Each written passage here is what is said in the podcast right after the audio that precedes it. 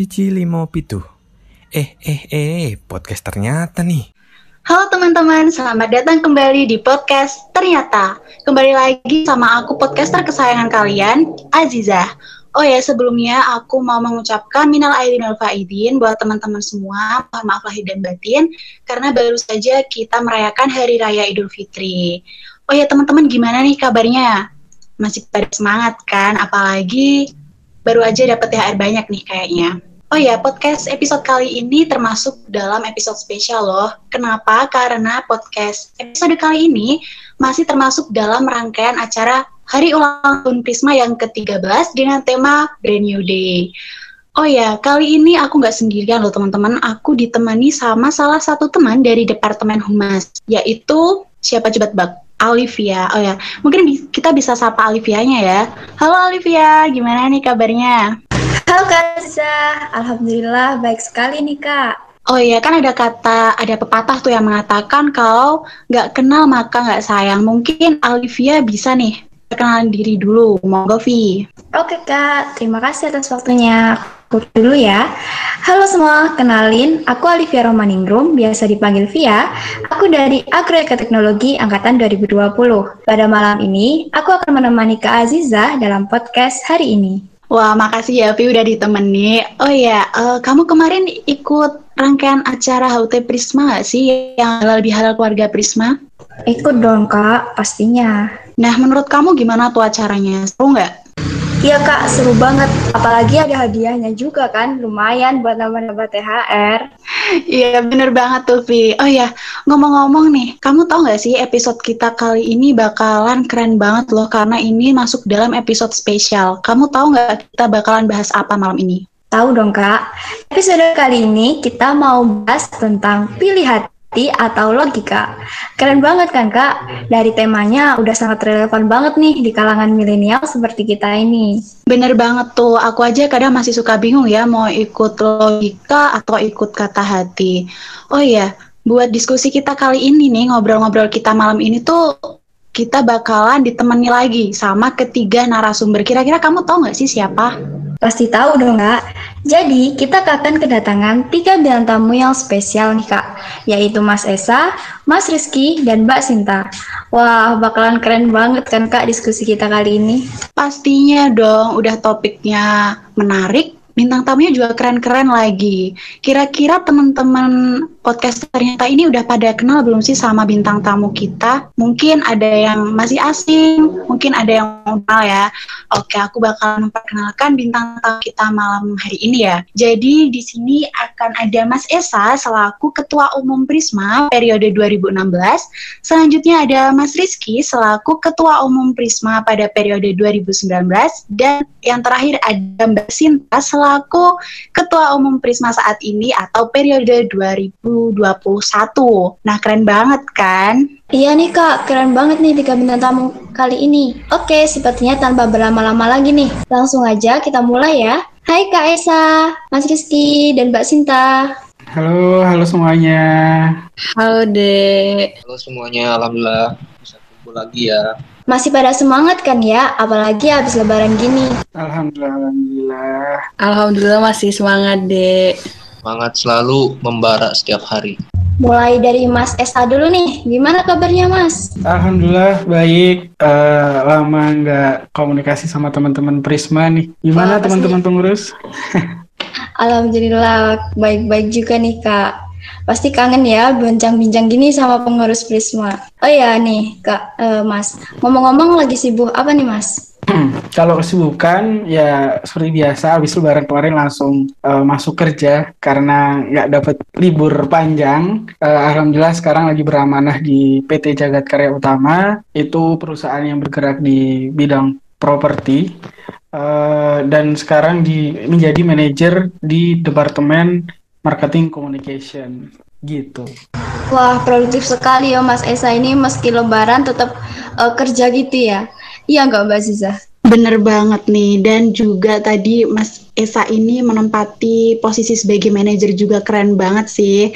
Oh ya, mungkin kita bisa lanjut nih ke Mas Rizky. Halo Mas Rizky, gimana kabarnya? Halo deh, alhamdulillah sehat baik-baik aja. Teman-teman gimana? Sehat? Alhamdulillah teman-teman di Prisma sehat semua. Oh ya Mas Rizky ini lagi sibuk apa nih Mas? Hmm, kalau saya habis lulus itu sibuk ngerintis sih, masih merintis usaha gitu dari nol gitu kan. Ya belum ada ketertarikan buat ngelamar kerja dulu sih sebenarnya. Cuman pengen tahu doang menekan batas sampai dengan seperti apa gitu seperti itu sih deh. Wah keren banget nih, produktif juga belajar untuk mengetahui batasnya kemampuan kita tuh sampai mana. Mungkin kita bisa lanjut ya nanya ke Mbak Sinta. Halo Mbak Sinta. Halo Dek. Gimana nih kabarnya Mbak? Alhamdulillah baik. Kalau Dek Aisyah, Aziza sendiri gimana? Alhamdulillah baik. Oh ya Mbak Sinta lagi sibuk apa nih Mbak? Uh, saat ini masih sibuk kuliah sih. Kebetulan hampir akhir semester jadi untuk tugas lumayan menumpuk ya. Wah kalau itu kayaknya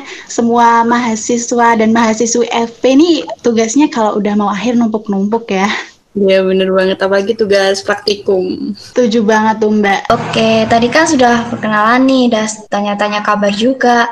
Mungkin langsung aja nih kita mulai diskusi bareng sama Mas Esa, Mas Rizky, dan Mbak Sinta terkait pilih logika atau kata hati. Pasti teman-teman ternyata udah pada gak sabar kan dengerin pendapat mereka. Oke, aku langsung mau nanya aja nih ke Mas Esa dulu ya. Uh, menurut Mas Esa nih, antara logika dan kata hati, manakah yang lebih penting dan harus diikuti? Oke, ngomongin logika, logika dan kata hati ya. Uh, kalau ditanya mana yang lebih penting, yang jelas semua penting. Karena kayak misal uh, kita ngomongin mana yang lebih penting antara tangan sama kaki, ya semuanya penting gitu kan. Nanti tergantung gimana cara makainya kita, apalagi uh, konteksnya adalah misal uh, ketika kita ke organisasi atau ke keluarga atau ke kita ke kerjaan semuanya tergantung gimana kita mau nempatin nih uh, si logika ini atau kata hati itu sendiri. Oke, jadi menurut Mas Esa uh, antara logika dan kata hati itu sama-sama penting tergantung bagaimana cara kita memakainya ya di organisasi ataukah kita di keluarga. Uh, mungkin kalau menurut Mas Rizky sendiri nih, gimana? Antara logika dan kata hati, manakah yang lebih penting dan harus ya. diikuti? Kalau menurut saya sih, memang benar kata Mas Isa tadi kan. Dua-duanya juga penting gitu. Cuman kalau saya, eh, pengalaman saya gitu ya, untuk berpikir antara logika dengan mendengarkan kata hati, itu selalu diuruti dengan awalan logika gitu kita harus berpikir logis dulu gitu kan kayak gimana dan seperti apanya mempertimbangkan segala aspek baru nanti uh, yang membuat keputusan itu bisa ada campur dari kata hati gitu. Karena itu menurut saya gitu. Jadi kalau teman-teman ada yang berpikir kata hati dulu baru logika ya sah-sah saja gitu.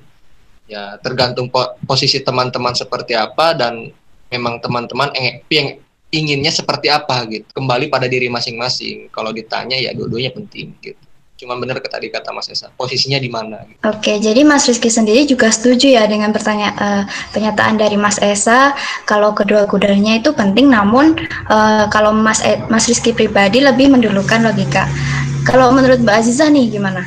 Aku setuju dengan Mas Esa sama Mas Rizky di mana menggunakan logika sama kata hati itu pasti punya porsinya sendiri-sendiri dan punya tergantung dengan situasi dan kondisi. Nah, mungkin kita bisa dengar pendapat dari narasumber kita yang cantik malam hari ini. Ada Mbak Sinta nih, mungkin menurut Mbak Sinta gimana Mbak? Pilih antara logika dan kata hati ini, menurut Mbak Sinta mana yang lebih penting dan harus diikuti gitu. Oke, kalau menurutku ya uh, kedua hal tersebut itu tidak bisa dipilih ya seperti uh, seperti jawaban dari Mas Esa dan Mas Rizky karena keduanya itu juga sama-sama penting apalagi saat kita ingin memutuskan suatu hal. Nah, uh, tapi satu hal yang aku pelajari berdasarkan pengalaman yang aku dapat sebelum-sebelumnya, terutama di Prisma ya, mengenai logika dan kata hati. Nah, antara keduanya itu uh, harus tahu gitu saat itu tuh keadaannya seperti apa. Tapi uh, kalau misalkan keadaannya menuntut untuk logika didahulukan, sebaiknya untuk logika terlebih dahulu gitu, baru kita bisa mendengarkan kata hati. Karena apa? Karena pengalamanku juga, kalau aku terlalu mengikuti logika, ujung-ujungnya itu uh, seperti terlalu egois. Sedangkan kalau aku terlalu mengikuti kata hati, aku tuh terlalu uh, tidak bisa berpikir rasional. Karena kan kata hati itu kan kan tiba-tiba aja gitu eh kamu jangan gini jangan gini tiba-tiba aja gitu datang. Nah, dari itu dua hal itu menurutku harus sejalan gitu dan tidak bisa dipilih salah satu. Wah setuju banget sama Mbak Sinta nih. Di mana juga tergantung situasi dan kondisi. Nah kita harus menggunakan ada saatnya menggunakan logika ada saatnya juga kita harus menggunakan kata hati. Di mana kalau logika nanti jatuhnya itu bisa jadi egois tapi kalau mengikuti kata hati kita jadi berpikirnya tuh tidak terlalu rasional seperti itu. Nah mungkin kita bisa lanjut ke pertanyaan selanjutnya ya. Menurut, oh ya aku mau tanya ke Mas Rizky dulu nih. Menurut Mas Rizky nih, kapan waktu yang tepat untuk menggunakan logika, terus kapan waktu yang tepat untuk menggunakan kata hati? Iya, kita kan berbicara logika ya. Logika pemikiran ya istilahnya apa yang kita pikirkan, apa yang kita lakukan itu pasti didasarkan oleh sesuatu yang didahului gitu kan. Contohnya gitu kan, teman-teman melihat sesuatu gitu. Nah itu di pikiran teman-teman sudah terbentuk tuh abstrak tuh kayak gimana gitu kan. Nah dari situ kan teman-teman memulai membuat asumsi masing-masing gitu kan. Dikatakan kita kapan nih waktu yang tepat untuk memilih antara logika dan kata hati. Kalau menurut saya pribadi dari mulai pengalaman sampai dengan saya yang saya lalui gitu selama ini, uh, waktu yang tepat itu ketika teman-teman eh bicara logika dulu ya. Uh, waktu yang tepat itu dari logika sendiri itu lebih ke apa ya sains ya menurut saya gitu ya. lebih ke kegiatan yang sekiranya perlu uh, pertimbangan yang harus dipikir baik-baik gitu baik itu baik baik itu buruknya seperti itu.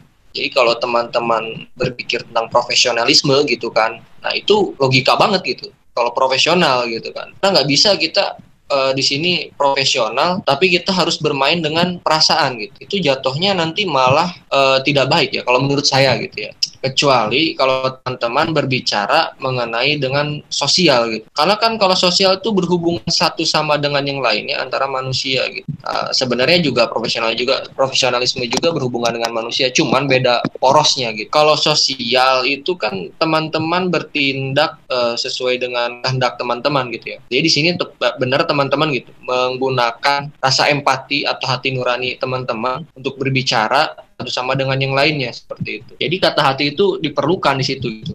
Apalagi kalau teman-teman mengambil keputusan yang uh, melibatkan seseorang gitu teman-teman. Nah itu harus pakai kata hati juga gitu teman-teman. Teman-teman di situ gak boleh yang namanya egois gitu. Gak boleh yang namanya mementingkan diri sendiri gitu. Apalagi apati, apa bukan apatis ya apa namanya lupa saya bahasanya Intinya seperti itu teman-teman gitu. Jadi bisa disimpulkan ya kalau logika itu porosnya di mana dan kata hati itu di mana itu ya tergantung teman-teman lagi gitu.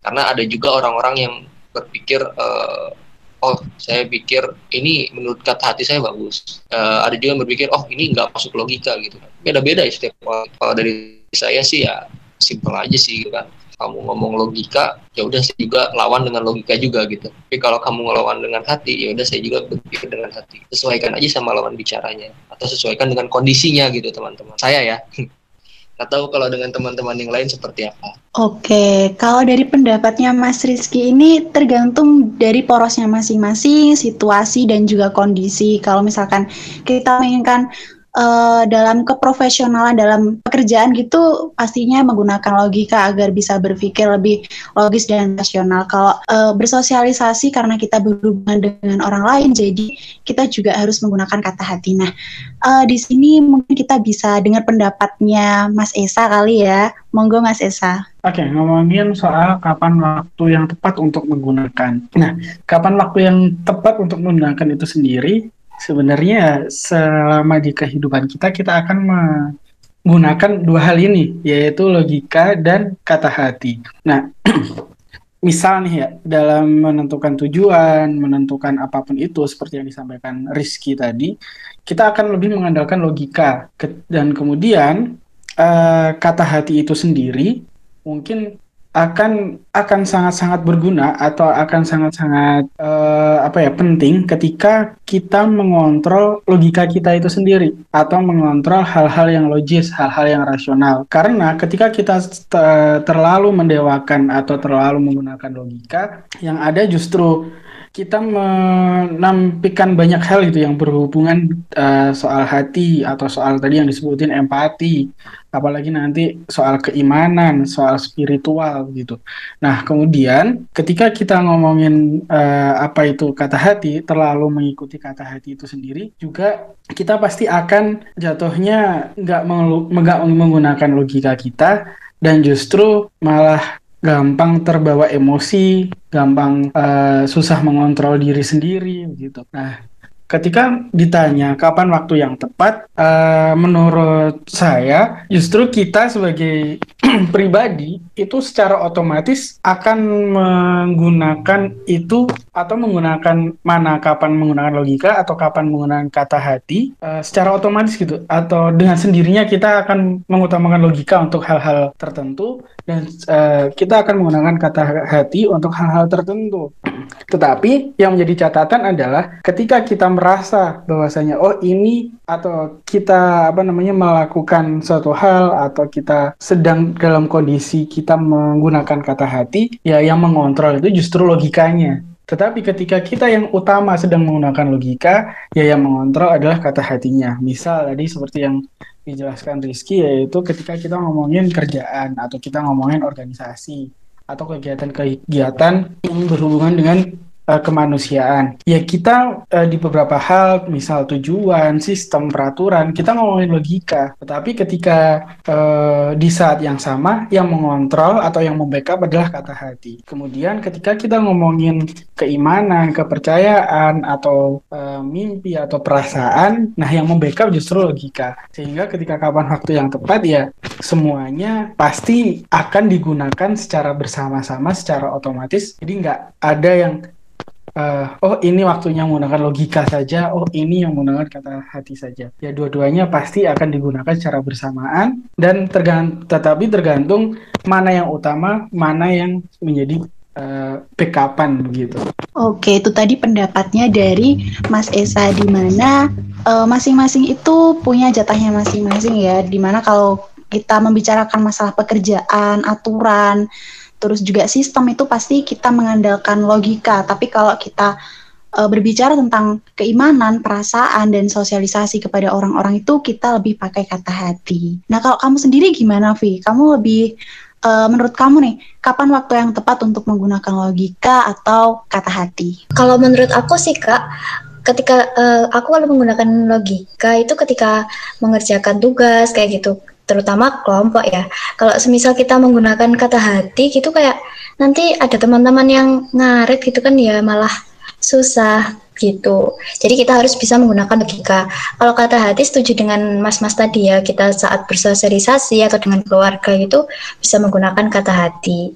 Nah, mungkin uh, kita bisa mendengarkan nih uh, pendapatnya dari Mbak Sinta. Kapan waktu yang tepat untuk menggunakan antara logika dan kata hati? Baik, oke. Menurutku ya, kapan waktu yang tepat kita harus menggunakan logika atau kata hati itu sebenarnya uh, kedua hal tersebut seperti tadi yang Mas saya sampaikan uh, merupakan hal yang secara tidak langsung itu akan selalu beriringan. Misalkan saja nih saat kita uh, di proker-proker nih pasti pertama kali yang kita pakai itu logika. Karena apa? Karena broker itu kan merupakan suatu hal yang sudah terstruktur dan sudah dikonsepkan sejak awal. Otomatis kita menjalankannya dan mengambil keputusan-keputusan di dalamnya, kita tuh harus sesuai logika. Karena dengan logika kita akan berpikir rasional.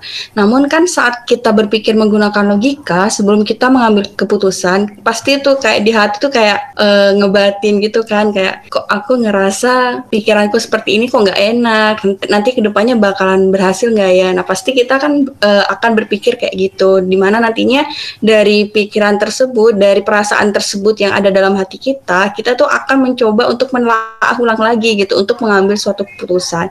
Sehingga menurutku uh, kapan waktu yang tepat menurutku pada semua situasi keduanya itu tepat untuk digunakan gitu. Malahan lebih bagus untuk digunakan keduanya. Tergantung nanti gimana porsinya. Apakah misalkan nih uh, kamu akan mengikuti logika yang porsinya menurutmu itu 75% nah tapi di sisi lain 25 persennya kamu itu uh, masih ngebatin masalah kata hati. Nah menurutku dari perpaduan dan perbedaan antara hati dan pikiran tersebut kita seharusnya dapat uh, menelaah ulang gitu sebelum kita mengambil keputusan sehingga nantinya dari dua hal tersebut kita dapat uh, mendapatkan keputusan yang lebih baik gitu dibandingkan kita harus condong ke salah satunya. Menurutku seperti itu sih. Oh, jadi dari Mbak Sinta tersendiri itu dilihat dari tergantung porsinya ya Mbak apa di suatu kegiatan tersebut biar uh, ketika kita mengambil keputusan bisa uh, tepat gitu. Oke, mungkin lanjut dari pertanyaan selanjutnya aja ya, Mbak. Uh, pertanyaan selanjutnya untuk Mbak Sinta dulu nih. Kan tadi sudah dari Mas-Mas, sekarang ke Mbak Sinta. Uh, jika ada permasalahan dalam organisasi nih, Mbak, bagaimana sih cara Mbak Sinta untuk mengatasinya apakah lebih ke logika atau kata hati? Monggo dijawab. Oke baik, aku mencoba menjawab menggunakan persentase tadi ya, seperti contohnya uh, 75% logika dan 25% kata hati. Nah, begitupun untuk permasalahan organisasi. Kita lihat terlebih dahulu permasalahan organisasinya itu apa. Misalkan itu e, mengenai proker ya, kan sekarang kita lagi hektik banyak proker nih. Nah, mungkin ada beberapa masalah. Nah, untuk yang pertama kali untuk berkaitan dengan proker karena memang jalannya sudah terstruktur dan sudah terkonsep dari awal, pastinya untuk porsi yang lebih besarnya aku lebih ke logika. Jadi sudah berpikir dari aku sudah mulai berpikir rasional. Oh, uh, pandanganku seperti ini nih, pikiranku seperti ini, uh, sebab dan akibatnya nantinya akan seperti ini gitu. Tapi tidak uh, tidak memungkinkan, eh pasti memungkinkan juga untuk aku memikirkan kata hati saat bersamaan. Mungkin, tapi mungkin untuk masalah proker ya, untuk uh, mengikuti kata hatinya hanya beberapa persen saja. Misalkan tadi 75% logika, 25% uh, kata hati ya. Nah, tapi misalkan itu permasalahannya mengenai uh, pengurus ya, mungkin dari pengurusnya ada masalah lain gitu di dalam organisasi. Mungkin kalau aku lebih ke kata hati karena apa?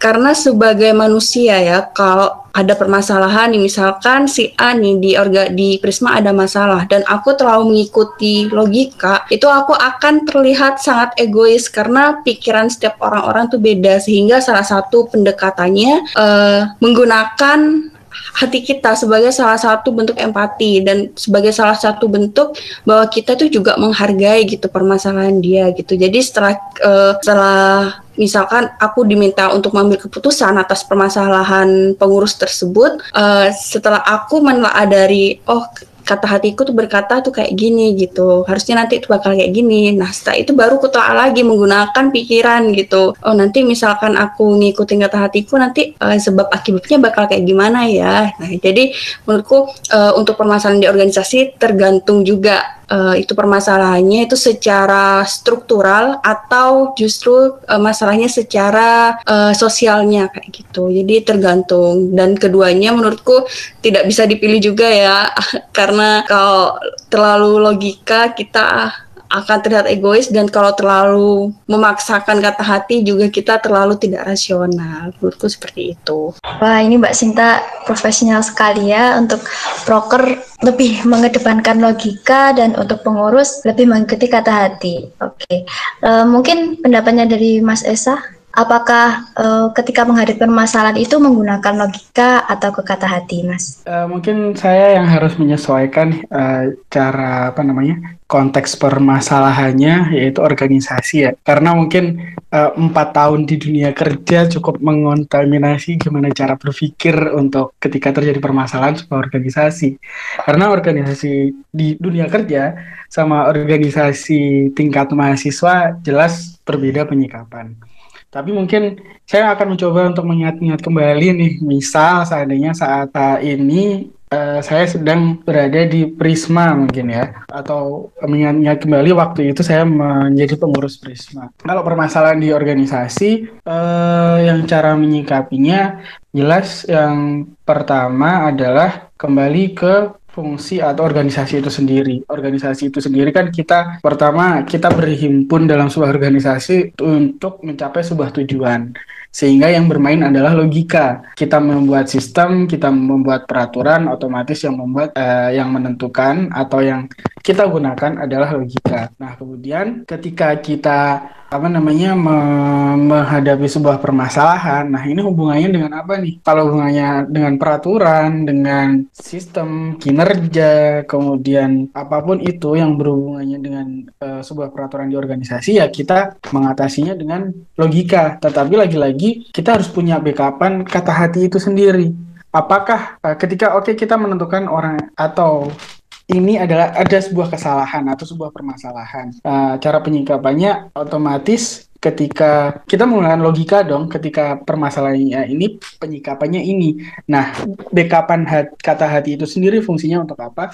Dengan melakukan uh, penyikapan seperti ini, apakah sudah pantas? Apakah tidak terlalu kejam? Apakah ini sudah bisa membuat misal efek jerah atau bisa mengingatkan ataupun memperbaiki permasalahan yang ada. Nah, itu fungsinya kita menggunakan logika dan menggunakan backupan kata itu sendiri. Nah, tetapi ketika uh, it, dan itu pun berlaku di forum ya di forum atau di sebuah organisasi. Nah, tetapi di sisi lain pendekatan-pendekatan uh, humanis kita jangan sampai lupakan bahwa kita sesama manusia, kita sama-sama mahasiswa, kita sama-sama belajar sehingga uh, kata hati sendiri itu digunakan ketika hubungannya adalah personal. Misal kita cari tahu lebih dalam, uh, ketika hubungannya sama personal ya uh, permasalahannya apa, apakah ada latar belakang yang mempengaruhi, sehingga dengan it, uh, menggunakan pendekatan-pendekatan humanis yang melibatkan kata hati itu sendiri, kita jadi lebih tahu nih uh, penyikapan atas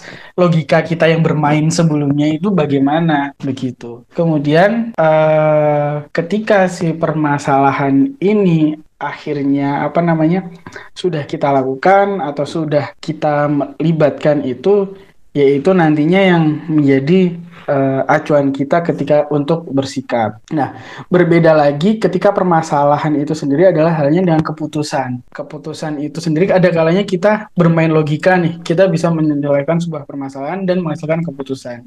Tapi ketika kita mentok, ketika uh, kemampuan berlogika kita atau berpikir kita sudah mentok dan kita belum bisa memutuskan sampai hari itu ke sampai detik itu juga. Kan pernah juga tuh. Ya akhirnya yang bermain adalah kata hati yang dominan. Mana yang kita yakini mana yang kita imani itu yang kita ambil keputusannya. Dan ketika yang dominan mengambil keputusan itu kata hati atau uh, keyakinan itu sendiri maka kita juga tidak serta merta me, apa namanya tidak mengindahkan si logika. Kita tetap harus berpikir bahwasanya kita sudah mengambil keyakinan ini, maka apa segala resikonya? Oh, resikonya A, B, C, D. Ini yang akan dihadapi. Oleh karena itu, ya logika lo, di sini logikanya yang membackup dari uh, keputusan yang dibuat kata hati itu sendiri. Sehingga uh, itu mungkin gambaran ketika kita menghadapi sebuah permasalahan di sebuah organisasi. Itu sih. Oh baik kak. Jadi hampir sama dengan Mbak Sinta tadi ya.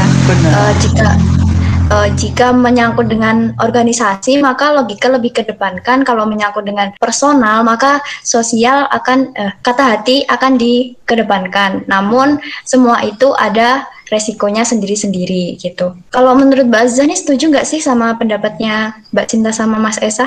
Kalau aku pribadi setuju dong karena kan kalau masalah pekerjaan seperti yang dikatakan sama Mbak Sinta sama Mas Esa tadi menyangkut masalah pekerjaan kita harus dituntut dituntut untuk berpikir berpikir secara rasional dan juga logis. Jadi pasti logika lebih dikedepankan. Kalau secara personal seperti yang dikatakan oleh Mbak Sinta juga sama Mas Esa, secara personal dan juga pendekatan humanis itu mengedepankan kata hati. Nah, mungkin yang terakhir kita bisa dengar dari pendapatnya dari Mas Rizky nih. Kalau Mas Rizky sendiri gimana? Kalau ada case gitu, permasalahan dalam suatu organisasi, itu lebih mengedepankan logika atau kata hati? Ya, kalau menurut saya nih ya, kata kuncinya kita pegang dulu nih, permasalahan dalam organisasi gitu kan dipilih nih mana yang lebih baik logika atau hati gitu kan. Ah, kalau itu sih saya bilang ya tergantung posisi saya di situ. Kalau saya pribadi gitu posisi saya di situ sebagai apa gitu kan. Kalau misalkan memang gitu ya kita berbicara logika gitu, orang punya masalah gitu, baik itu contohnya ada yang punya proker kan, terus salah satu orang bermasalah prokernya nggak jalan gitu kan,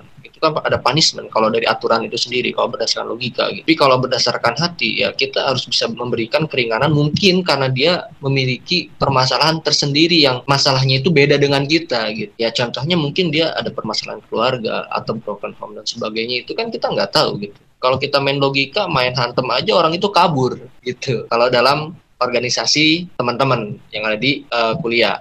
Namun kalau organisasi itu ada di perusahaan kayak gitu kan, mereka dituntut itu benar-benar harus A ya A gitu, nggak bisa pilih C. Semuanya logika gitu. Kamu salah ya bantai gitu istilahnya bahasa kasarnya gitu. Nah makanya tadi saya bilang posisi saya di situ sebagai apa? Ya kalau posisi saya sebagai pemimpin gitu dalam suatu organisasi, maka saya akan menyimbangkan mana yang nama logika, mana yang namanya kata hati dan it, jika pula itu saya berada di posisi perusahaan gitu kalau memang itu rugi gitu kan kan logika eh bukan logika ya kata hati itu lebih identik dengan resiko sih kalau menurut saya gitu. Dia itu bermain resiko gitu. Kamu udah memikirkan logikanya begini gitu hasilnya begini baik buruknya begini. Oh ternyata banyak buruknya tamu tapi potensinya luar biasa. Nah itu kan pilihan kata hati kamu mau milih atau enggak.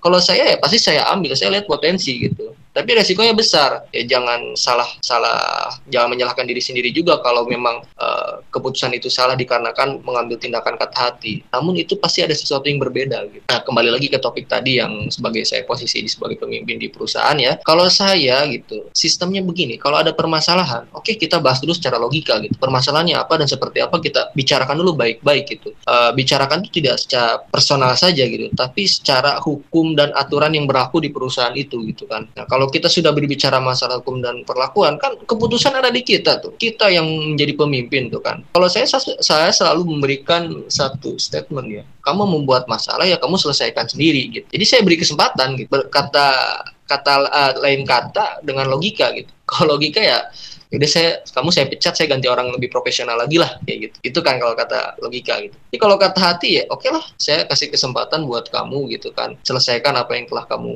uh, perbuat gitu kan. Jadi ya saya di sini mikir kalau pribadi 50-50 kalau posisi saya sebagai pemimpin ya logika 50 kata hati 50 tapi kalau saya sebagai pekerja gitu yang notabene itu gak punya kekuasaan dan tidak bisa uh, melakukan sesuatu yang porsinya bukan milik saya gitu kan. Ya otomatis saya berpikir lebih ke logika terus gitu. Karena kalau kita berpikir kata hati ya kalau kita bekerja gitu ya ya takut dong saya dipecat gitu. Saya nanti nggak punya penghasilan lagi gitu. Ya udahlah saya ikuti apa kata prosedur dan SOP-nya seperti apa kayak gitu kan. Di uh, saya garis bawahi yang kalau saya itu lebih ke posisi saya dalam menyelesaikan masalah itu sebagai apa kayak gitu. Kalau sebagai pekerja ya ya udah kita ikutin aja aturannya gitu kan. Ikutin aturannya kecuali kita punya bawahan lagi gitu. Nah itu lain cerita lagi gitu deh jadi teman-teman di sini kalau memang ada masalah gitu ya dalam organisasi teman-teman kan teman-teman belajar dan saya juga masih masih belajar gitu teman-teman. Nah,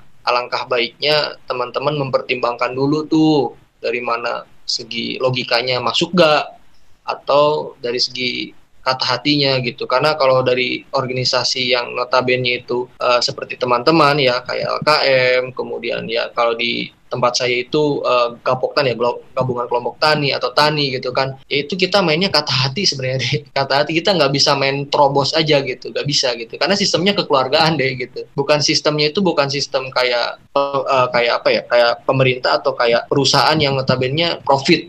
Kita cari profitable gitu kan kayak gitu. Jadi ya saran saya juga buat teman-teman pengalaman saya dulu uh, kepengurusan ya 50-50 lah teman-teman. Harus seimbang ya kata hati dengan logikanya. Jangan sampai logika menguasai kata hati jangan sampai kata hati menguasai logika. Pikirkan dulu baik-baik kalau bisa didiskusikan permasalahan itu dengan teman-teman yang lain. Karena setiap orang pemikirannya beda-beda seperti itu teman. Oke itu tadi pendapat dari Mas Rizky di mana? Kalau Mas Rizky ini kalau bisa 50% kata hati, 50% juga logika. Dan kita harus bisa menempatkan diri kita. Apakah kita jadi pemimpin ataukah kita ini kerja di organisasi atau kerja di perusahaan. Karena pastinya itu uh, akan ada porsinya sendiri-sendiri seperti itu. Di mana kalau kita lebih mengedepankan kata hati juga pasti ada resiko yang bisa diambil dan ada sesuatu yang berbeda. Begitu juga dengan ketika kita mengambil logika. Nah, mungkin kita bisa lanjut ke pertanyaan selanjutnya nih. Mungkin aku mau nanya sama Mas Esa nih. Nah, menurut Mas Esa sendiri, uh, kan dari tadi tuh udah ada ya kayak ketika kita mengikuti kata hati ada baik dan buruknya. Terus ketika kita mengikuti logika kita juga akan mendapatkan baik dan buruknya. Nah, uh, kalau menurut Mas Esa, berpikir yang baik sebagai kaum intelektual itu yang bagaimana sih Mas? Menggunakan logika sebagai kaum intelektual itu yang baik seperti apa? Berpikir yang baik sebagai kaum intelektual ya. Nah, kaum intelektual ini otomatis yang dominan adalah akal, adalah cara berpikir. Tetapi banyak hal yang terjadi uh, ketika beberapa orang dia melupakan kata hatinya, dia lebih mengun, uh, lebih mengutamakan akalnya atau logikanya. Ketika dan ngomongin untung rugi otomatis ketika ngomongin logika maka dia akan me, akan menghasilkan atau melakukan banyak cara menghasilkan banyak hal yang itu tadi pendekatannya tidak humanis gitu. Karena dia melupakan kata hatinya. Oleh karena itu eh, cara berpikir sebagai kaum intelektual meskipun uh, dia berhubungan dengan untung rugi, keuntungannya di mana, kerugiannya di mana, tujuannya apa, bisa menghasilkan apa, tetap lagi-lagi uh, kata hati juga bermain. Apakah ini nanti merugikan orang lain? Apakah ini nanti berguna untuk sesama manusia? Apakah ini nanti berguna uh, untuk di kehidupan orang lain begitu? Ketika berpikirnya kaum intelektual karena lagi-lagi kaum intelektual uh, yang diharapkan dari golongan ini atau dari adanya kaum intelektual adalah terciptanya solusi.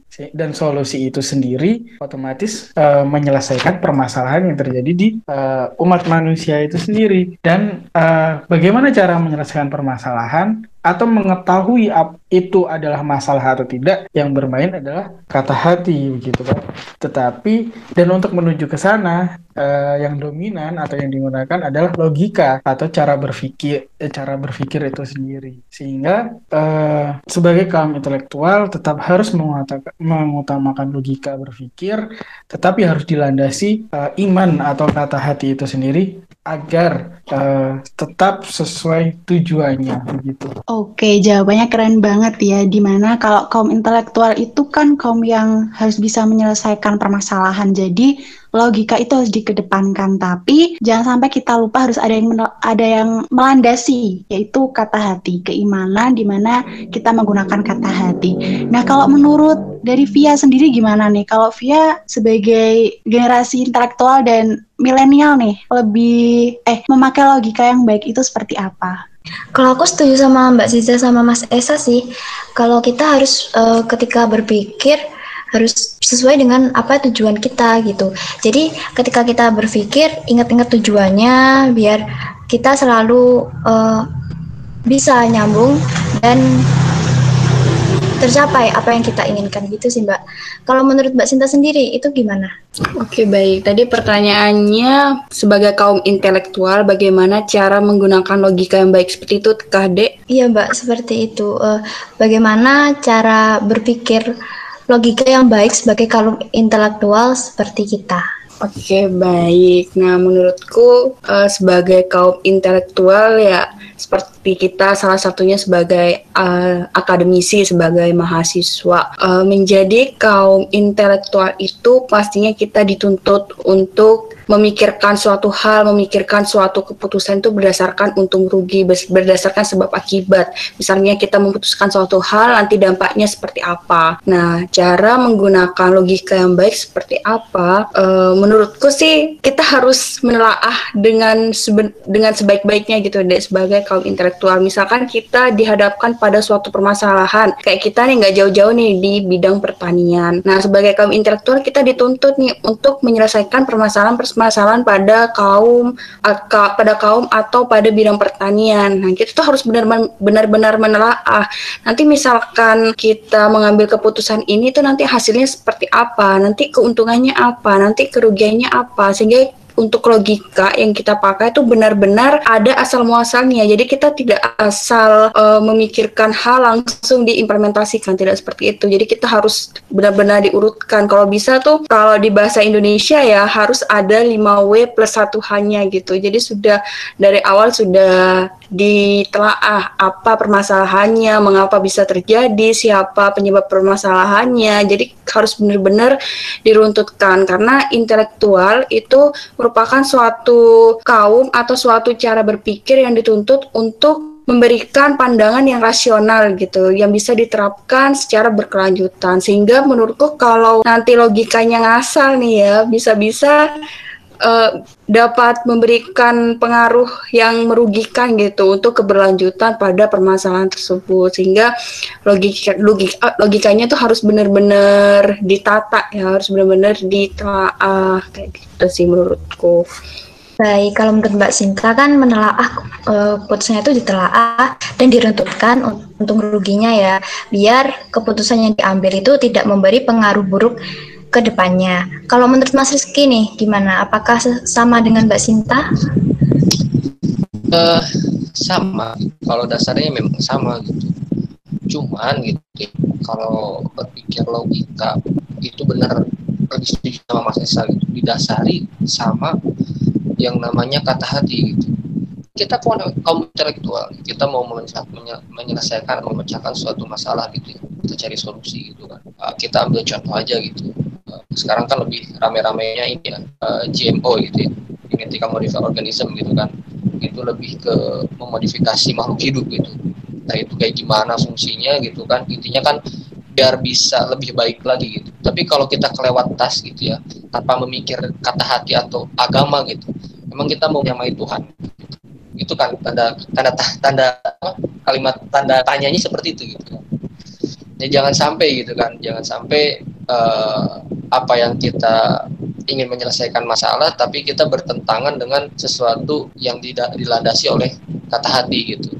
Karena kan kita orang yang beragama ya teman-teman ya. Orang beragama beragama itu berarti kita berlandaskan pada keimanan gitu. Uh, yakin di sini teman-teman juga paham lah apa yang dimaksud dengan keimanan yang saya katakan gitu kan.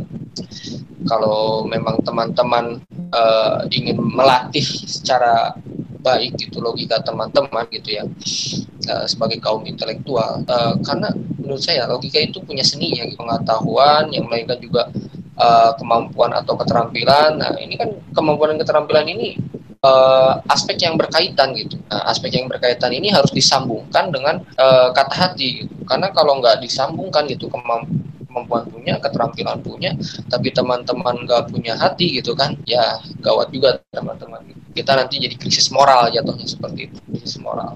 Uh, jadi intinya uh, kalau teman-teman berpikir secara logika dengan uh, sebagai kaum intelektual itu harus diseimbangi juga dengan kata hati. Apalagi teman-teman kan di sini uh, lebih ke kepenulisan ya. Kepenulisan kan banyak banyak sekali kita membuat karya tulis yang bertujuan untuk memecahkan masalah, bukan menambah masalah gitu ya. Nah, menambah masalah ini dalam tanda kutip ya menurut saya sih lebih ke moral gitu ya. Atau teman-teman tahu lah kayak menggunakan pupuk uh, pupuk tanah tapi dari mohon maaf ya kotoran manusia gitu kan saya pikir itu gak ada kata hatinya gitu. Itu kan harusnya ya gak, gak baik lah menurut saya gitu, gitu lebih baik juga lebih manusiawi pakai kotoran hewan saja kayak gitu kan. Nah, itu landasi oleh uh, kata hati juga gitu. Tidak hanya logika juga. Logikanya bagus gitu. Sama-sama kotoran sama-sama bahan organik sama-sama bisa menyelesaikan masalah uh, dari tanah itu sendiri gitu kan. Tapi apa kata lain kalau kata hati kita uh, moral kita gitu tidak sesuai dengan hal itu gitu. Apakah bakal diterima di masyarakat teman-teman? Menurut saya sih tidak seperti itu. Ada yang diterima dan ada yang tidak menurut saya seperti itu. Jadi ya teman-teman. Jadi uh, sekali lagi berpikir logika sebagai kaum intelektual juga harus dilandasi dengan hati. Gitu ya. dari saya. Jadi Mas Rizky ini uh, boleh berpikir asal dengan logika asal tetap dengan kata hati dengan sesama man, uh, tetap diiringi dengan prinsip kata hati. Mungkin bisa lanjut ke pertanyaan selanjutnya, Mbak Sinta dulu kali ya. E, pertanyaannya sebagai orang yang berkecimpung dalam dunia organisasi nih, Mbak, dari pengalaman Mbak sendiri, gimana sih ciri-ciri orang yang condong menggunakan logika dan gimana ciri-ciri orang yang condong dengan menggunakan kata hati? Oke, baik ya. Kalau berdasarkan pengalamanku juga ya bertemu dengan berbagai macam karakter ya, khususnya di Prisma untuk orang yang condong ke logika ya pertama. Nah, itu biasanya saat memberikan pendapat itu cara menjelaskannya benar-benar terstruktur kayak gitu. Jadi, misalkan ada permasalahan A nih, pasti dia bakalan uh, memberikan penjelasan atau komentar. Nanti ini bakalan seperti ini kalau kamu mengambil keputusan ini. Nanti kamu kalau uh, keputusannya seperti ini, nanti hasilnya bakal seperti ini dikarenakan ini ini ini bakalan di dijelasin secara runtut kayak gitu. Dan cenderung biasanya kalau orang yang terlalu memikirkan atau mendahulukan logika ya, logika di atas kata hati ya biasanya ya. Uh, mungkin ya agak sedikit kurang berempati mungkin ya karena memang uh, untuk orang-orang yang berpikir logika, sepengetahuanku dan beberapa aku kenal di pengalamanku berorganisasi itu memang uh, yang dipikirkan tuh sangat-sangat rasional gitu. Sehingga sepertinya sangat jarang ya untuk mereka untuk mengikuti mengenai kata hati. Atau kalau kata hati kan tadi kan lebih ke ber, cara berempati atau bersangkutan dengan hal-hal yang bersifat kemanusiaan ya. Nah mungkin uh, untuk sifat atau pendekatan ke kemanusiaannya itu agak sedikit kurang. Dan itu terlihat dari karakternya mungkin yang uh, agak sedikit keras atau agak sedikit egois ya. Namun untuk orang yang uh, berpikir lebih ke menggunakan kata hati seperti tadi yang adik tanyakan, uh, mungkin terlihatnya itu terlalu apa ya seperti orang bijak gitu deh kalau memberikan penjelasan. Pasti tidak jauh-jauh dari kata-kata bijak karena beberapa aku kenal juga itu ada temanku yang kalau memberikan keputusan itu tuh berdasarkan pengalaman-pengalamannya. Terus kemudian dia mungkin tidak lepas untuk memberikan quotes-quotes nih. Jadi itu kayak lebih kebijak gitu. Dan sangat berbanding terbalik dengan tadi yang orang berpikir secara logika, kalau yang secara kata hati yang terlalu condong ke kata hati, cenderung orangnya itu sangat peka terhadap lingkungan sekitarnya, terutama pada hubungannya dengan manusia-manusia lainnya. Jadi dia tuh akan lebih peka nih. Oh, orang ini tuh seperti ini, seperti ini, sepertinya dia tuh ada permasalahan ini. Menurutku sih dia itu harus diginiin digini jadi tuh dia uh, pendekatannya tuh sangat sangat pribadi ya menurutku sangat sangat uh, humanis ya. Jadi berbeda dengan orang yang secara logika yang harus runtut. Nah kalau dia tuh nggak kayak kayak dia tuh memberikan pandangannya itu ya udah menurut dia gitu tanpa dia berpikir panjang apakah sebenarnya yang terjadi, apakah nantinya yang akan terjadi, apakah nanti sebabnya, apakah nanti akibatnya. Nah, sepertinya untuk orang-orang yang berpikir secara kata hati itu uh, sangat jarang untuk memikirkan hal tersebut. Menurutku seperti itu. Nah, aku juga setuju nih, Mbak sama Mbak Sinta. Biasanya kalau emang orang-orang yang um, lebih mengedepankan logika itu orangnya kadang lebih profesional dalam bekerja dan sifatnya itu juga keras. Kalau orang-orang yang e, menuruti kata hati, maka dia akan lebih ramah, kadang lebih humanis dan suka merangkul sesamanya. Mungkin e, bisa dilanjut dengan Mas Rizky. Kalau menurut Mas Rizky bagaimana?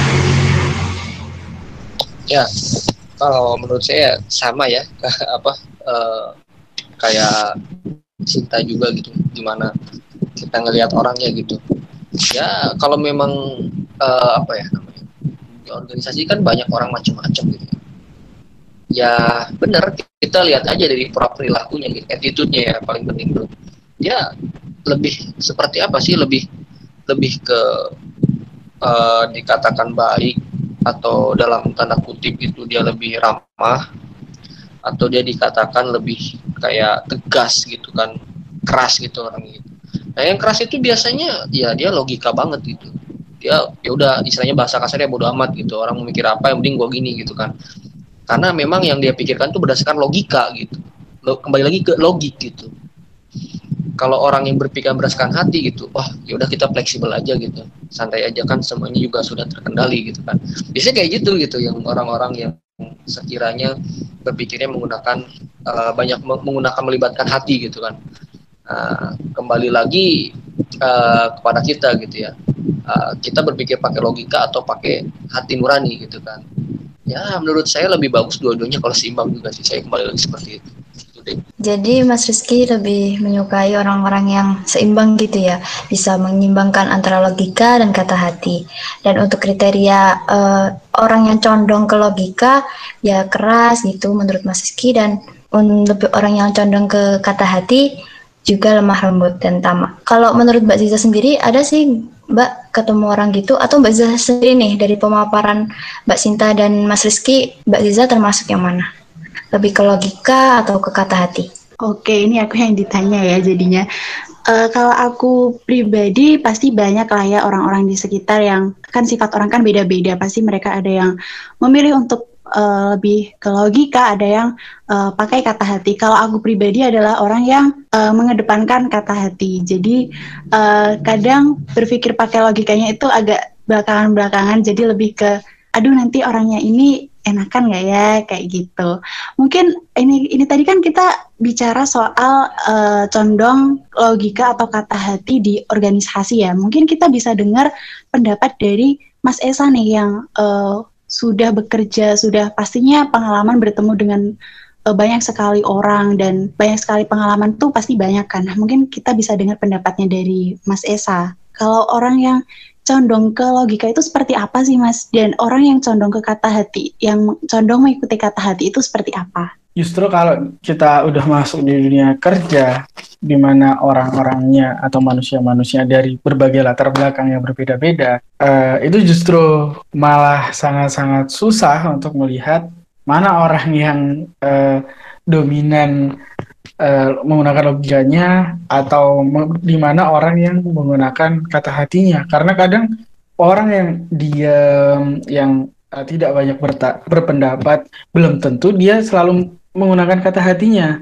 karena bisa jadi dia orangnya justru orang-orang yang sifatnya apa ya uh, scanning gitu ya melihat kondisi sekitar terus kemudian dia menerjemahkan gimana dia harus beradaptasi di lingkungan yang baru di lingkungan yang berbeda gitu. Karena nggak semua uh, nggak seperti ketika kita masih mahasiswa di mana semuanya uh, mungkin latar belakang SMA-nya sama. Tetapi ketika sudah berkecimpung di dunia mahasiswa dunia kampus uh, latar belakangnya sama cara berpikirnya uh, hampir semua sama gitu. Sementara di dunia kerja latar pendidikan aja bisa beda latar uh, belakang uh, keluarga bisa beda kayak gitu. Tapi uh, ketika pertanyaannya adalah orang yang condong menggunakan logika atau condong menggunakan kata hati itu seperti apa? Sebenarnya kita bisa melihat uh, bukan bermaksud untuk mengeneralisasi ya, tetapi pada umumnya untuk laki-laki lebih menggunakan logika sementara perempuan lebih menggunakan kata hati. Meskipun itu tidak 100% seperti itu. Ada sebagian laki-laki juga yang lebih dominan di kata hatinya ataupun uh, ada sebagian dari perempuan yang dominan untuk menggunakan, uh, menggunakan uh, logikanya.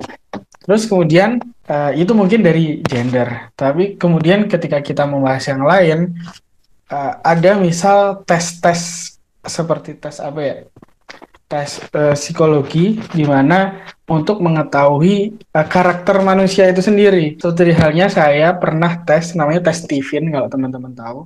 Nah, dari lima karakter manusia, mungkin uh, dua di antaranya adalah yang pertama adalah thinking, yang kedua ada sensing gitu. Nah, kebetulan saya termasuk orang-orang thinking atau orang-orang yang uh, lebih banyak menggunakan logikanya daripada uh, kata hatinya kalau konteks pembicaraan kita.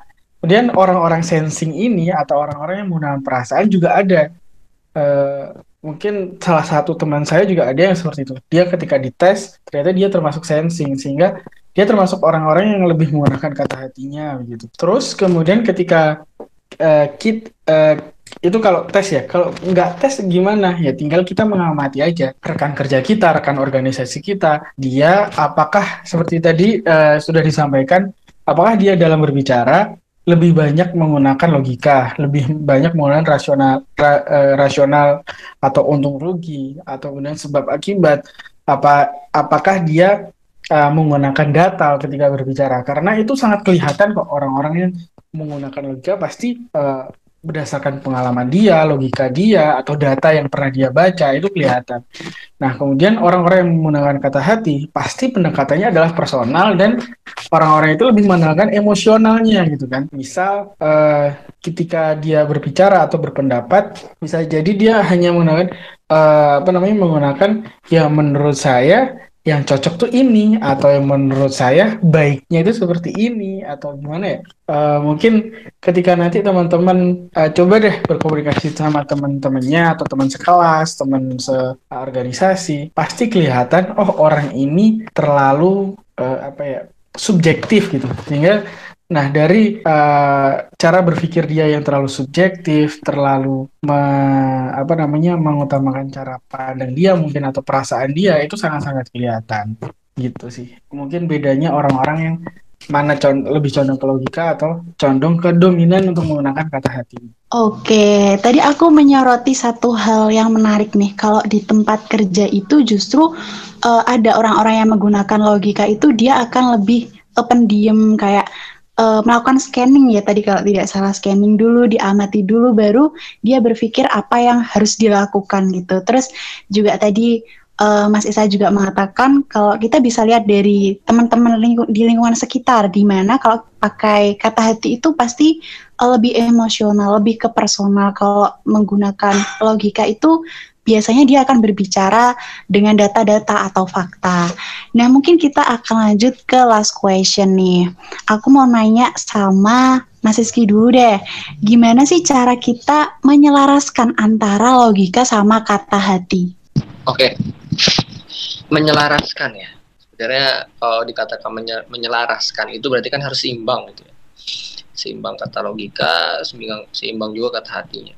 Di sini kan pertanyaannya bagaimana gitu kan kalau saya gitu ya, ini berbicara masalah pengalaman saya juga gitu ya. Kalau saya cara menyeimbangkannya itu ya kembali tujuan kita itu di situ apa gitu. Ketika kita sudah mengetahui dari tujuan kita itu seperti apa, maka kan ada banyak pertimbangan-pertimbangan yang keluar gitu kan. Baik itu pertimbangan baik atau buruknya gitu. Nah, dari pertimbangan itu uh, kita analisis secara logika dulu gitu. Secara logika seperti tabaran kayak gimana, Nah, setelah kita berpikir dengan logika, uh, barulah kita uh, mengambil kata hati. Gitu.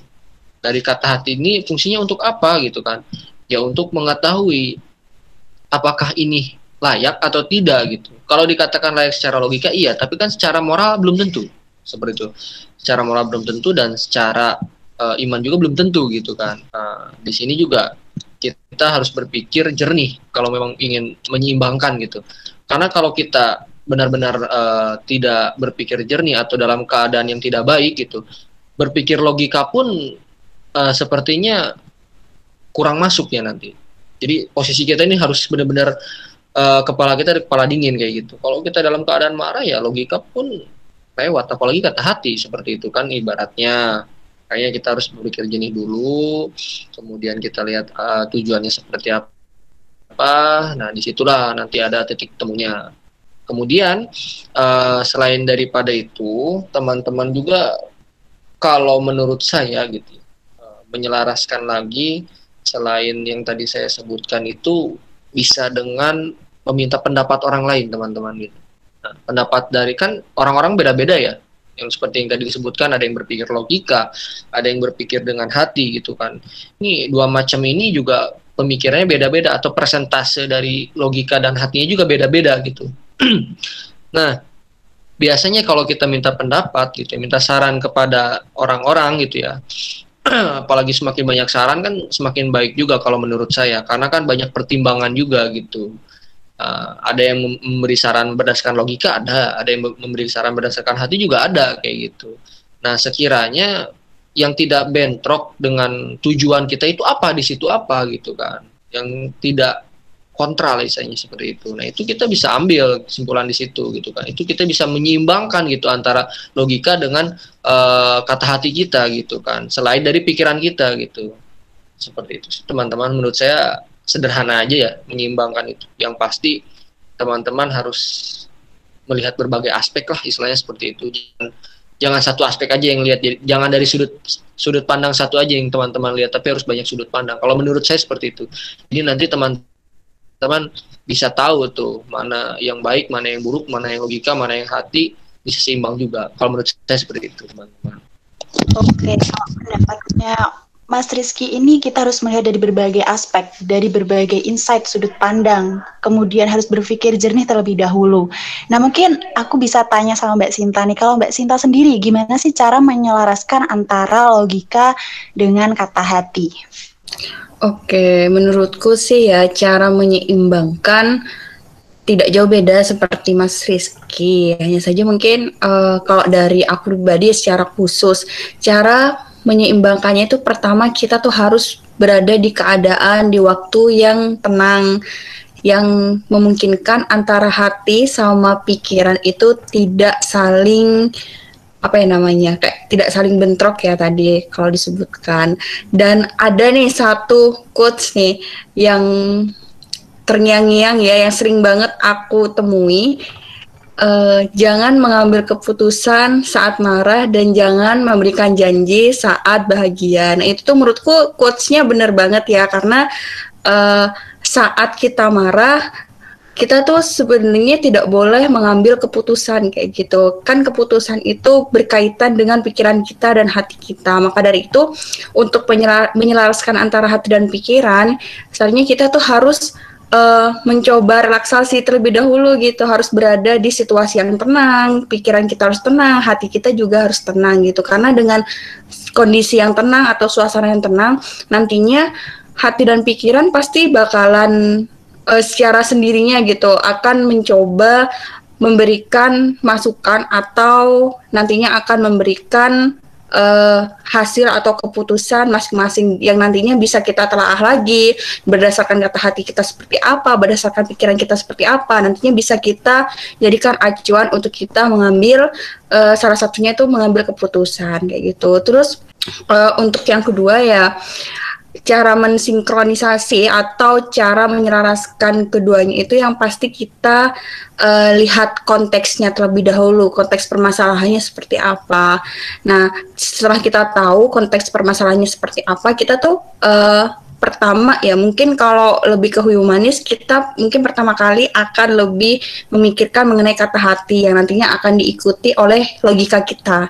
Namun apabila itu permasalahan secara struktural, mungkin kita akan mementingkan logika kita terlebih dahulu yang nantinya akan diikuti dengan kata hati. Jadi sebenarnya uh, antara kata hati dan juga pikiran itu secara tidak langsung akan terus menerus selalu bersama-sama gitu. Karena saat kita berpikir secara logika pasti di akhir sebelum kita mengambil keputusan kita juga akan dihadapkan pada kondisi hati kita. Apakah logika kita itu sudah benar? Apakah kondisi atau apakah keputusan yang sudah kita ambil melalui logika kita sesuai dengan hati kita? Apakah itu nantinya akan bertolak belakang atau seperti apa dan juga sebaliknya gitu. Jadi menurutku uh, keduanya itu uh, sebelum mengambil keputusan harusnya keduanya itu memang sudah harus selaras gitu. Jadi uh, tidak berat sebelah ya intinya. Jadi sama-sama seimbang seperti itu sih menurutku.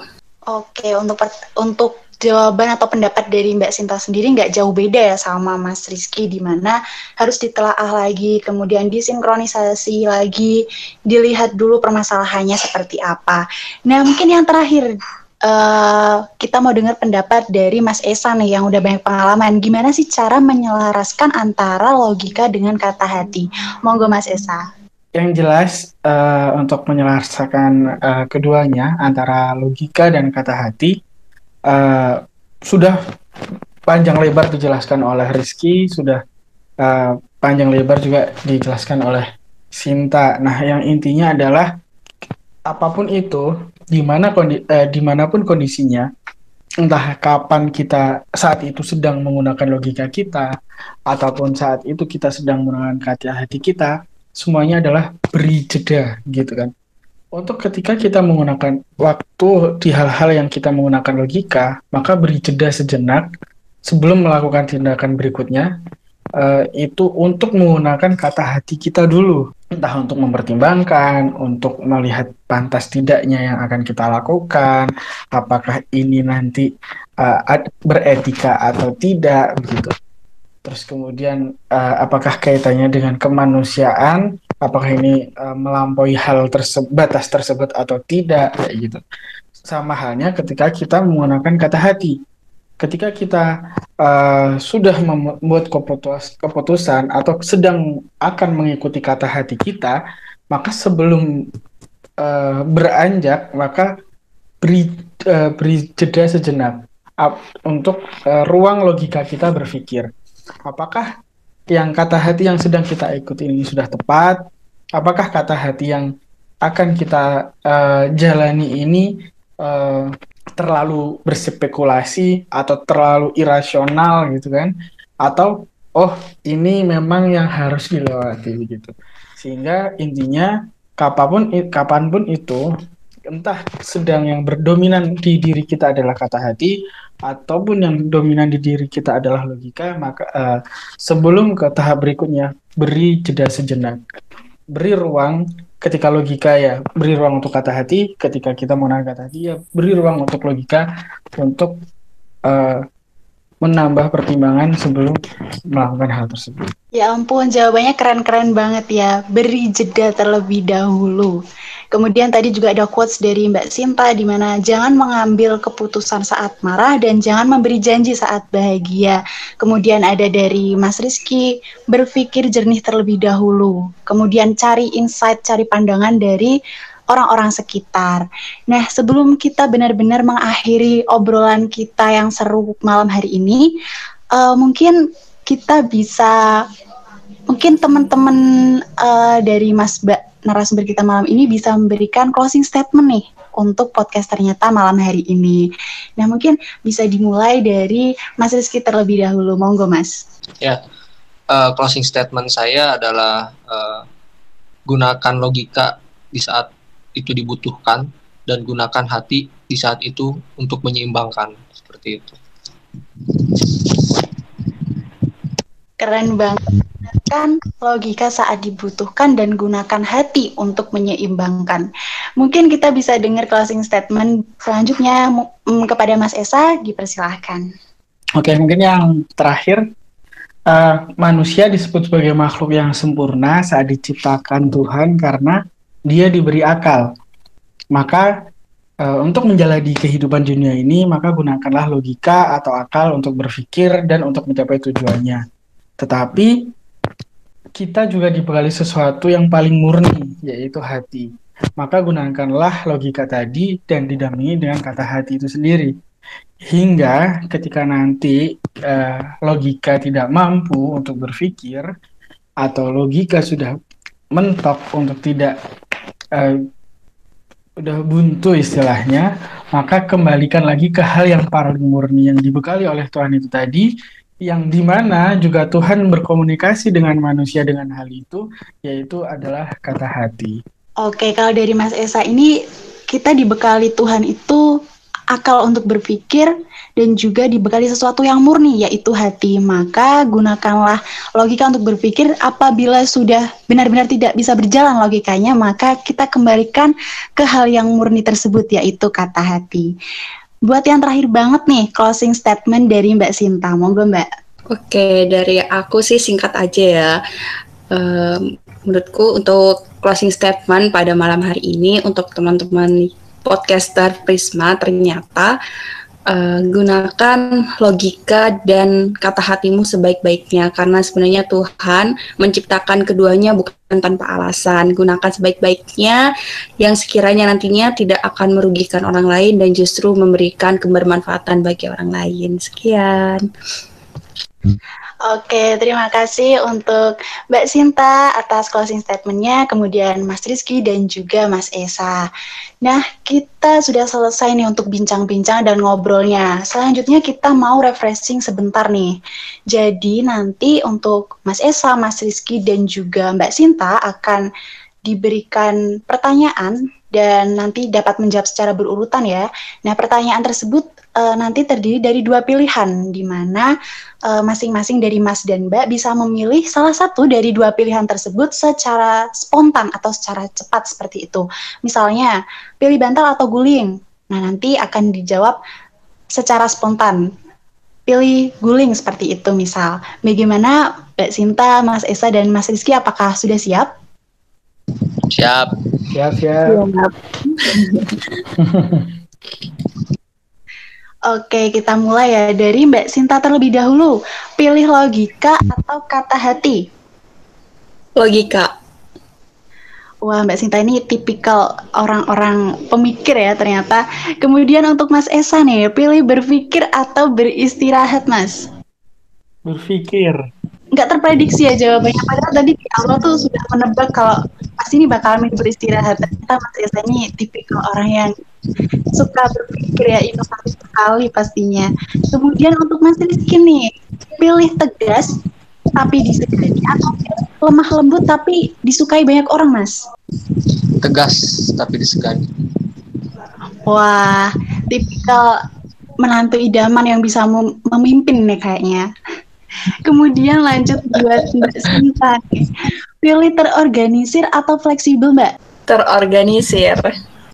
Wah, pantas sekali dan cocok sekali untuk menjadi uh, pemimpin Mbak Sinta ini. Sudah berpikir secara logika, kemudian sangat terorganisir orangnya. Kemudian untuk Esa nih, praktis atau kreatif? Praktis. Suka yang praktis-praktis dan simpel ya Mbak Sinta ini. Kemudian selanjutnya untuk Mas Rizky, pilih solutif atau inovatif? Inovatif. Oh, suka men- mencari-cari ide membuat hal-hal baru sepertinya Mas Rizky ini. Kemudian yang terakhir untuk Mbak Sinta nih, mungkin Mbak Sinta bisa memberikan satu kata untuk Prisma. Ternyata. Oke, jargon kebanggaan ya, Prisma ternyata. Nah, sepertinya kita udah selesai untuk gamesnya, seru banget ya untuk eh, narasumber-narasumber kita ini sangat antusias sekali untuk bermain gamesnya bareng sama kita. Oh ya, berhubung Prisma sekarang ini masih dalam rangkaian merayakan hari ulang tahun yang ke-13 dengan tema Brand New Day, eh, mungkin boleh dong Mas Esa, Mas Rizky, ataupun Mbak Sinta memberikan ucapan ulang tahun doa ataupun harapan untuk Prisma ke depannya. Mungkin bisa dimulai dulu untuk Mas Esa. Monggo Mas. Nah, yang jelas untuk Prisma eh, di ulang tahun yang saat ini, yang sekarang ini, eh, yang jelas Prisma semakin ternyata gitu ya, karena itu jargon kebanggaan kita. Selamat ulang tahun untuk Prisma, semoga bisa membawa pengurus-pengurusnya, anggota-anggotanya untuk menjadi lebih baik lagi, untuk mencetak generasi-generasi yang lebih kritis, generasi-generasi yang berprestasi, generasi- generasi-generasi yang bermanfaat untuk uh, masyarakat, bangsa, dan negara Indonesia tentunya. Amin. Terima kasih atas doa dan juga harapannya. Semoga Prisma bisa terus ternyata. Kemudian untuk Mas Rizky, dipersilahkan Mas doa dan harapannya untuk Prisma. Ya, eh, sebelumnya ini ulang tahun Prisma yang ke-13 ya. Iya Mas. Iya, Eh, karena 13 itu ganjil dan kalau suka yang ganjil, eh, saya kira ke depannya akan menjadi sangat-sangat baik gitu. Eh, saya berharap eh, dengan Prisma ternyata ini ternyata bisa menjadi lebih baik lagi dari baik, baik itu dari segi prestasi, baik itu dari segi kualitas diri dari teman-teman Prisma seperti itu. Dan saya berdoa juga agar ke depannya uh, selain teman-teman bisa menjadi lebih baik lagi, uh, teman-teman tidak memutuskan tali silaturahmi antara uh, kita alumni dan juga teman-teman sebagai anggota dari uh, Prisma Prisma itu gitu kan. Jadi uh, untuk ke depannya mungkin kita bisa bekerja sama atau mungkin kita bisa uh, kumpul bareng lagi karena saya harap kekeluargaan itu yang terbaik. Itu saya doakan yang seperti itu. Oke, terima kasih atas doa dan juga harapannya yang telah diberikan kepada Prisma. Kemudian yang terakhir kepada Ketua Umum Prisma periode 2021 atau saat ini kepada Mbak Sinta untuk memberikan doa dan harapannya untuk Prisma ke depannya, Mbak. Monggo dipersilahkan. Baik, sebelumnya eh, selamat ulang tahun untuk Prisma yang ke-13 tahun. Harapannya eh, sangat banyak ya sebenarnya untuk Prisma karena sudah sangat membersamai saya kurang lebih tiga tahun belakangan ini selama menjadi mahasiswa di UB. Harapannya eh, semoga di umur yang semakin tua atau semakin dewasa ini Prisma dapat terus memberikan kebanggaan ya pada Fakultas Pertanian maupun Universitas Brawijaya melalui prestasi-prestasi dari teman-teman Prisma. Selain itu, uh, harapan saya semoga teman-teman pengurus, teman-teman staf magang maupun anggota dan juga Maperta dapat uh, saling merangkul ya untuk membawa Prisma semakin maju ke depannya dan dapat menjadikan Prisma sebagai LKM milik kita bersama, milik teman-teman Fakultas Pertanian bersama. Jadi bukan cuma teman-teman pengurus atau internal saja tapi milik kita semua kayak gitu. Dan yang terakhir semoga uh, Prisma dapat terus memberikan dampak positif, dapat selalu berkontribusi melalui berbagai program kerja dan semoga dapat terus baik-baik saja ke depannya. Meskipun kita tahu hidup tidak baik-baik saja tapi saya yakin teman-teman di Prisma bahkan Prisma sendiri bisa selalu survive melalui ide-ide dan karya-karya yang inovatif dari teman-teman. Itu aja sih dari saya. Baik, terima kasih saya ucapkan kepada Mas Esa, Mas Rizky, dan juga Mbak Sinta yang telah memberikan ucapannya, doa, dan juga harapan untuk Prisma yang ke-13 tahun ini. Semoga, semoga ke depannya Prisma dapat menjadi wadah organisasi yang lebih baik dan menciptakan lebih banyak lagi generasi berprestasi di bidang kepenulisan ilmiah. Amin. Oke teman-teman, itu tadi bincang-bincang kita dengan ketiga narasumber hebat kita, yaitu ada Mas Esa, Mas Rizky, dan juga Mbak Sinta. Yang pastinya menarik dan seru banget kan tadi. Gak terasa waktu udah cepat berlalu ya, karena kita udah bincang-bincang mengenai topik yang kayaknya menarik banget. Jadi waktunya sangat lama banget tadi, tapi nggak apa-apa, pastinya seru banget dong. Kemudian saya ucapkan terima kasih sekali untuk Mas Esa, Mas Rizky, dan juga Mbak Sinta yang telah meluangkan waktunya malam hari ini untuk ngobrol bersama kita, untuk podcast ternyata untuk teman-teman pendengar podcast, sehingga nantinya semoga teman-teman bisa mendapatkan insight dan juga pandangan-pandangan baru dari narasumber-narasumber kita yang keren ini. Semoga Mas Esa, Mas Rizky, dan juga Mbak Sinta sehat selalu dan senantiasa diberikan kelancaran dalam berbagai urusannya. Saya Aziza dan teman saya Olivia pamit undur diri. Jangan lupa untuk mendengarkan podcast ternyata episode selanjutnya. Tetap semangat dan jangan lupa jaga kesehatan ya.